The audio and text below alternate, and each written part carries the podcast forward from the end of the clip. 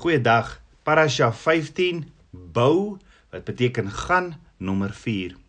Ons het gesien Abba Vader het nie gekom om deur die deur van duisternis in Egipte te sluit nie. Maar ook om 'n deur oop te maak vir die wat kies om hom te gehoorsaam en om hom te volg na 'n nuwe en beter lewenswyse. Ja, maar Vader roep ons na 'n Shema leefstyl toe. 'n Shema leefstyl is mos daardie totale 100% gehoorsaamheid aan die Skepper van hemel en aarde. Nou die hele proses om te transformeer in 'n Shema leefstyl begin eerstens met die instem en aanvaarding van Abba Vader se kalender, sy tyd en sy afsprake. Dis om die wêreld se tyd of kalender eenkant toe te skuif en in te skakel met Abba Vader se bepaalde hemelse tyd. Dit begin heel eenvoudig by die kalender waarop jy kies om jou lewe te transformeer. Nou ek praat nie van 'n gedrukte papierkalender wat jy op die muur of agter die badkamer deur hang nie. Nee, ek praat van Abba Vader se verlossingsplan, die kalender wat hy sê hy vir ewig op ons hart kom skryf. So die eerste stap vir die Egiptiese slawe, die kinders van Israel om te transformeer na 'n Shema leefstyl toe, begin by die inval van Abba Vader se kalender. En nie meer hierdie Egiptiese kalender nie. Jy sien in Egipte doen jy en maak jy soos Egipte. En die kinders van Israel het vir oor die 400 jaar hulle lewens bedryf en georganiseer volgens die Egiptiese kalender. Abba Vader het egter iets beter vir sy kinders in gedagte gehad. Abba Vader wou hê dat sy volk in 'n totale ander manier hulle lewens organiseer en dis alles deel van transformasie. 'n Paar weke voor die plaag van die eersgeborene, die 10de plaag, voor hy plaasgevind het, het Abba Vader vir Moses en Aaron in Egipte in Eksodus 12 vers 3 gesê: "Hierdie maand moet vir julle die begin van die maande wees. Dit moet vir julle die eerste van die maande van die jaar wees. Dan sê Vader verder vir Moses en Aaron: "Spreek tot die hele vergadering van Israel en sê: Op die 10de van hierdie maand moet hulle elkeen 'n lam neem volgens die families, 'n lam vir huisgesin." So Abba Vader is besig om aan Moses en Aaron sy kalender te openbaar. Nou ons weet nie presies wanneer Abba Vader met Moses en Aaron hierdie woorde gespreek het nie. Maar daar is geleerdes wat die vermoede het dit was na die 9de plaag, die plaag van duisternis. Toe daar ewe skielik weer lig uitgebreek het na die duisternis. En dalk het Moses en Aaron in verwondering opgekyk na die hemele, na Abba Vader se skepping, die lig wat Abba Vader geskep het in Genesis 1 vers 3 tot 5. 3 tot 5 toe Abba Vader met hulle begin praat het. Dan ten spyte dat die dat die Egiptenare geglo het in die songod Ra, is die kalender van Egipte nie volgens die siklus van die son nie. Nee, die antieke Egiptiese kalender was gebaseer op die siklus van die sterre. Wat die ou Egiptiese tempelpriesters genoem het Sebdet, ook bekend as Sotis. Die ster was van vandag, die die die ster wat ek en jy vandag ken as Sirius ehm um, die heel helderste ster in die hemele geleë naby die sterrebeeld Orion. In die, in die, in die, in die antieke Egiptiese lig was die Sirius ster ongeveer 70 dae per jaar sigbaar. Hy was net 70 dae per jaar sigbaar. Nou die Egiptenare het die nuwe jaar, hulle nuwe jaar, op die eerste nuwe maan gevier na die herkoms van Sirius wanneer hy sy verskyning maak. So hoekom het die Egiptenare hulle kalender rondom hierdie ster Sirius gebaseer? Omdat Sirius se voorkoms aan die einde van Junie voortgekom het, was dit ooreenstemmend met die begin van die jaarlikse oorstroming van die Nyl. Ja, die oos die oorstroming van die Nyl het ryk swart sluk op die land langs die Nyl neergespoel wat die droë woestynlande van Egipte voorberei het vir die saai en groei van lewensonderhoude gewasse.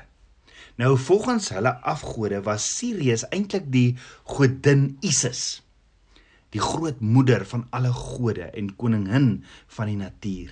En hulle het geglo dit was haar voorsiening van lig en die oorstroom van die Nyl. Inteendeel, hulle glo die oorstroming was die godin se trane van haar man se dood, Osiris. Dit was die basis waarop die kalender van Egipte gewerk het. Dis maar net snaaks dat hulle 'n 'n 'n god aanbid wat doodgaan. Maar ja. En omdat die kinders van Israel vir meer as 400 jaar daar gewoon het, het het hierdie goed begin afsmeer aan die kinders van Israel. En daarom maak Abba Vader dit nou vir Moses en Aaron duidelik, dis nie sy kalender nie en begin hulle te vertel van sy verlossingsplan of hemelse kalender. Dis die kalender wat Abba Vader verwag sy Shema leefstyl kinders moet volg en nie die wêreld of Egiptiese kalender wat gebaseer is op afgode nie. Abba Vader wat die lig en duister geskep het, wat tyd geskep het, het dit spesifiek gedoen sodat hy sodat sy Shema leefstyl kinders daarvolgens leef. Hy het nooit die son en die maan net geskep sodat dit vir ons lig en duisternis gee nie. Nee, hy het dit ook geskep vir sy kalender en sy bepaalde tye of afsprake wat hy met ons het, sy kinders. Maar Vader verlang van ons om te leef op sy kalender in plaas van enige ander kalender wat deur die mens vervaardig is. Soos Abba Vader sekere afsprake het vir sy kinders vandat hy die aarde geskep het. Hoekom sal Yeshua kom en hierdie afsprake kom verander. Abba Vader sê hy het met ons eenmal 'n week 'n afspraak. En dan sê hy vir ewig.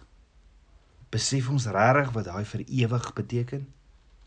Jy sien die kalender van Abba Vader is nie 'n kalender van die nasies van die aarde nie. Nee, die kalender van Abba Vader is kadosh is die Hebreë woord vir heilig wat beteken afgesonderd, uniek vir die verloste kinders van Abba Vader. Abba Vader gee sy kalender in Levitikus 23 baie duidelik met opdragte oor spesifieke aktiwiteite. En ons gaan nog later die jaar daarby stil staan. Maar Abba Vader gee nou vir Moses en Aaron net die voorlopige begin, die fokuspunt van sy kalender. Abba Vader se kalender begin met die eerste nuwe maan. Ook sy verlossingsplan. En sy verlossingsplan begin by die 10de plaag, die plaag van die eersgeborene. Abba Vader sê vir Moses en Aaron in Eksodus 12 vers 3: Hierdie maand moet vir julle die begin van die maande wees. Dit moet vir julle die eerste van die maande van die jaar wees. Ons gaan ook nog kyk in die jaar hoe die woord ons leer dat elke aspek van ons lewens, insluitende gemeenskaplike aanbidding vir Abba Vader, uitgevoer moet word volgens 'n gewysigde vorm en volgens Abba Vader se kalender. So Abba Vader se Shema leefstyl kinders is gefokus op sy kalender wat begin met 'n nuwe maan en nie 'n son nie. Hoekom? Een van die redes is soos Egipte is die meeste heidense samelewings selfs vandag 'n sonaanbiddende samelewing. Die songod het selfs ook 'n dag wat hy aanbid, wat hy geaanbid word wat ons weet die 25ste Desember is. Hierdie heidense praktyke het die son as hul opperste god beskou. En daarom het hulle hul aktiwiteite inderdaad gestruktureer rondom die siklus van die son.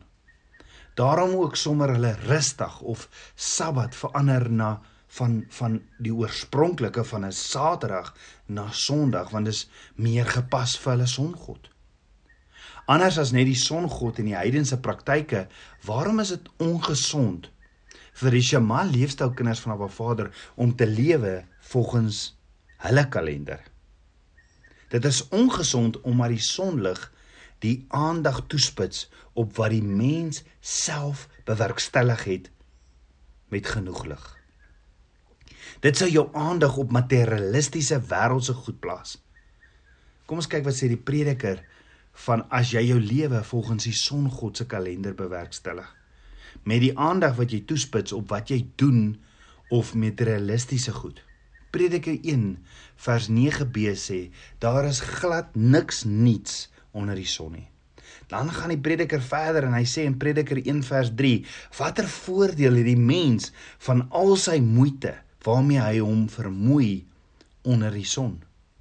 Dan sê hy ook in Prediker 4 vers 1: Daarna weer het ek gesien al die verdrukkinge wat onder die son plaasvind en kyk daar was trane van verdruktes en vir hulle was daar geen trooster nie en aan die kant van hulle verdrukkers was mag maar daar was vir hulle geen trooster nie. Wie is die trooster? Yeshua sê die Heilige Gees Ruach HaKodesh is die trooster. Prediker 5 vers 3 sê: "Gaan hierdie rykdom verlore deur 'n ongeval?" Dan besit die niks nie. Dan sê sien ons in Prediker 6 vers 12, want wie weet wat is wat is goed vir die mens in die lewe gedurende die getal dae van sy nietige lewe wat hy soos 'n skare weer deurbring. Want wie kan aan die mens bekend maak wat na hom sal wees onder die son? Prediker 8 vers 9 sê: Dit alles het ek gesien deurdat ek my hart gerig het op elke werk wat onder die son gedoen word in 'n tyd waarin die een mens heers oor die ander tot sy ongeluk. Dan Prediker 8 vers 17 Ek het gesien al die werk van God dat die mens die werk wat gedoen word onder die son nie kan uitvind nie omdat die mens hom vermoei om te soek en tog niks uitvind nie. Ja, al sou die wyse dink dat hy dit verstaan, hy sal dit nie kan uitvind nie. Dan laastens sê Prediker 9 vers 11: Weer het ek onder die son gesien dat die wedloop nie is vir die vinniges en die oorlog nie vir die helde nie en ook die brood is nie vir die wyse of ook rykdom vir die slimmes of ook guns vir die verstandiges nie want tyd en lotgeval tref hulle almal. So 'n lewe onder die son God is nie wat Abba Vader vir my en jou wat verlos is, het nie. Inteendeel, die wat in verbond saam met Abba Vader wandel in intimiteit word vermaan en bemagtig om verder as die onder die son wêreld te sien. Ja, die kinders van Abba Vader word van die begin af opdrag gegee om heeltemal dienteenoorgestelde te dink as die onder die son wêreld ingesteldheid. Die fokus van die verlosters van Abba Vader gaan nie oor wat die wêreld, ag of wat oor wat die mens met die daglig kan bereik nie met materialistiese goed nie, maar moet altyd handel oor Abba wat Abba Vader gedoen het en dan nog steeds doen. Die verlosters van Abba Vader moet doen wat Yeshua ons geleer het om te doen. Hoor wat leer Yeshua ons? Yeshua sê in Johannes 5 vers 19: "Voorwaar voorwaar ek sê vir julle, die seun kan niks uit homself doen tensy hy die Vader dit sien doen nie. Want alles wat ek doen, dit alles wat hy doen, dit doen die seun ook net so. So as Yeshua vir ons sê dit kom as as Yeshua vir ons dit kom leef het. Hoekom doen ons dan nie ook so nie? Daarom het Abba Vader besluit om 'n kalender op te stel wat nie volgens die siklus van die son is nie, maar volgens die siklus van die maan. Sodoende het Abba Vader bepaal dat sy volk ewig durende sy tydse kalender sal heilig. Met ander woorde, as Shema kinders van Abba Vader, dis ons roeping om sy bepaalde tye te heilig. So wat is Abba Vader se profeties besig om vir ons te sê oor al sy instruksies en hoor oor oor hoe en wanneer ons hom moet aanbid deur sy kalender. Abba Vader gee nie vir ons 'n lys of 'n skedule vir godsdienstige dienste nie. Dis nie wat hy doen nie. Nie Egipte en die heidene rondom ons het so 'n soort kalender. Ons as kinders van Abba Vader word egter nie geroep om die heidene na te boots nie, maar om te kadosh. Kadosh wat beteken heilig, afgesonder te wees. Abba Vader het ons verlos om heiliges van sy tyd en kalender te wees. So wanneer Abba Vader ons verlos en hy sy tyd en sy kalender aankondig, dan wil hy hê ons moet dit shema en daarop reageer. En die vraag is, sal jy? Kom ons bid saam. Aba Vader, skepper van hemel en aarde. Vader, ek loof en ek prys U. Vader, kom leer my u Shema leefstyl waar ek u elke woord nie net sal hoor nie, maar maar ook daarop sal reageer. Kom leer my u kalender en kom was die Egipte en sy praktyke van my af. Meer en meer van u. Meer en meer van u geheimenisse. Ek bid dit alles in Yeshua Messie se naam, die seun van Jahweh. Shalom.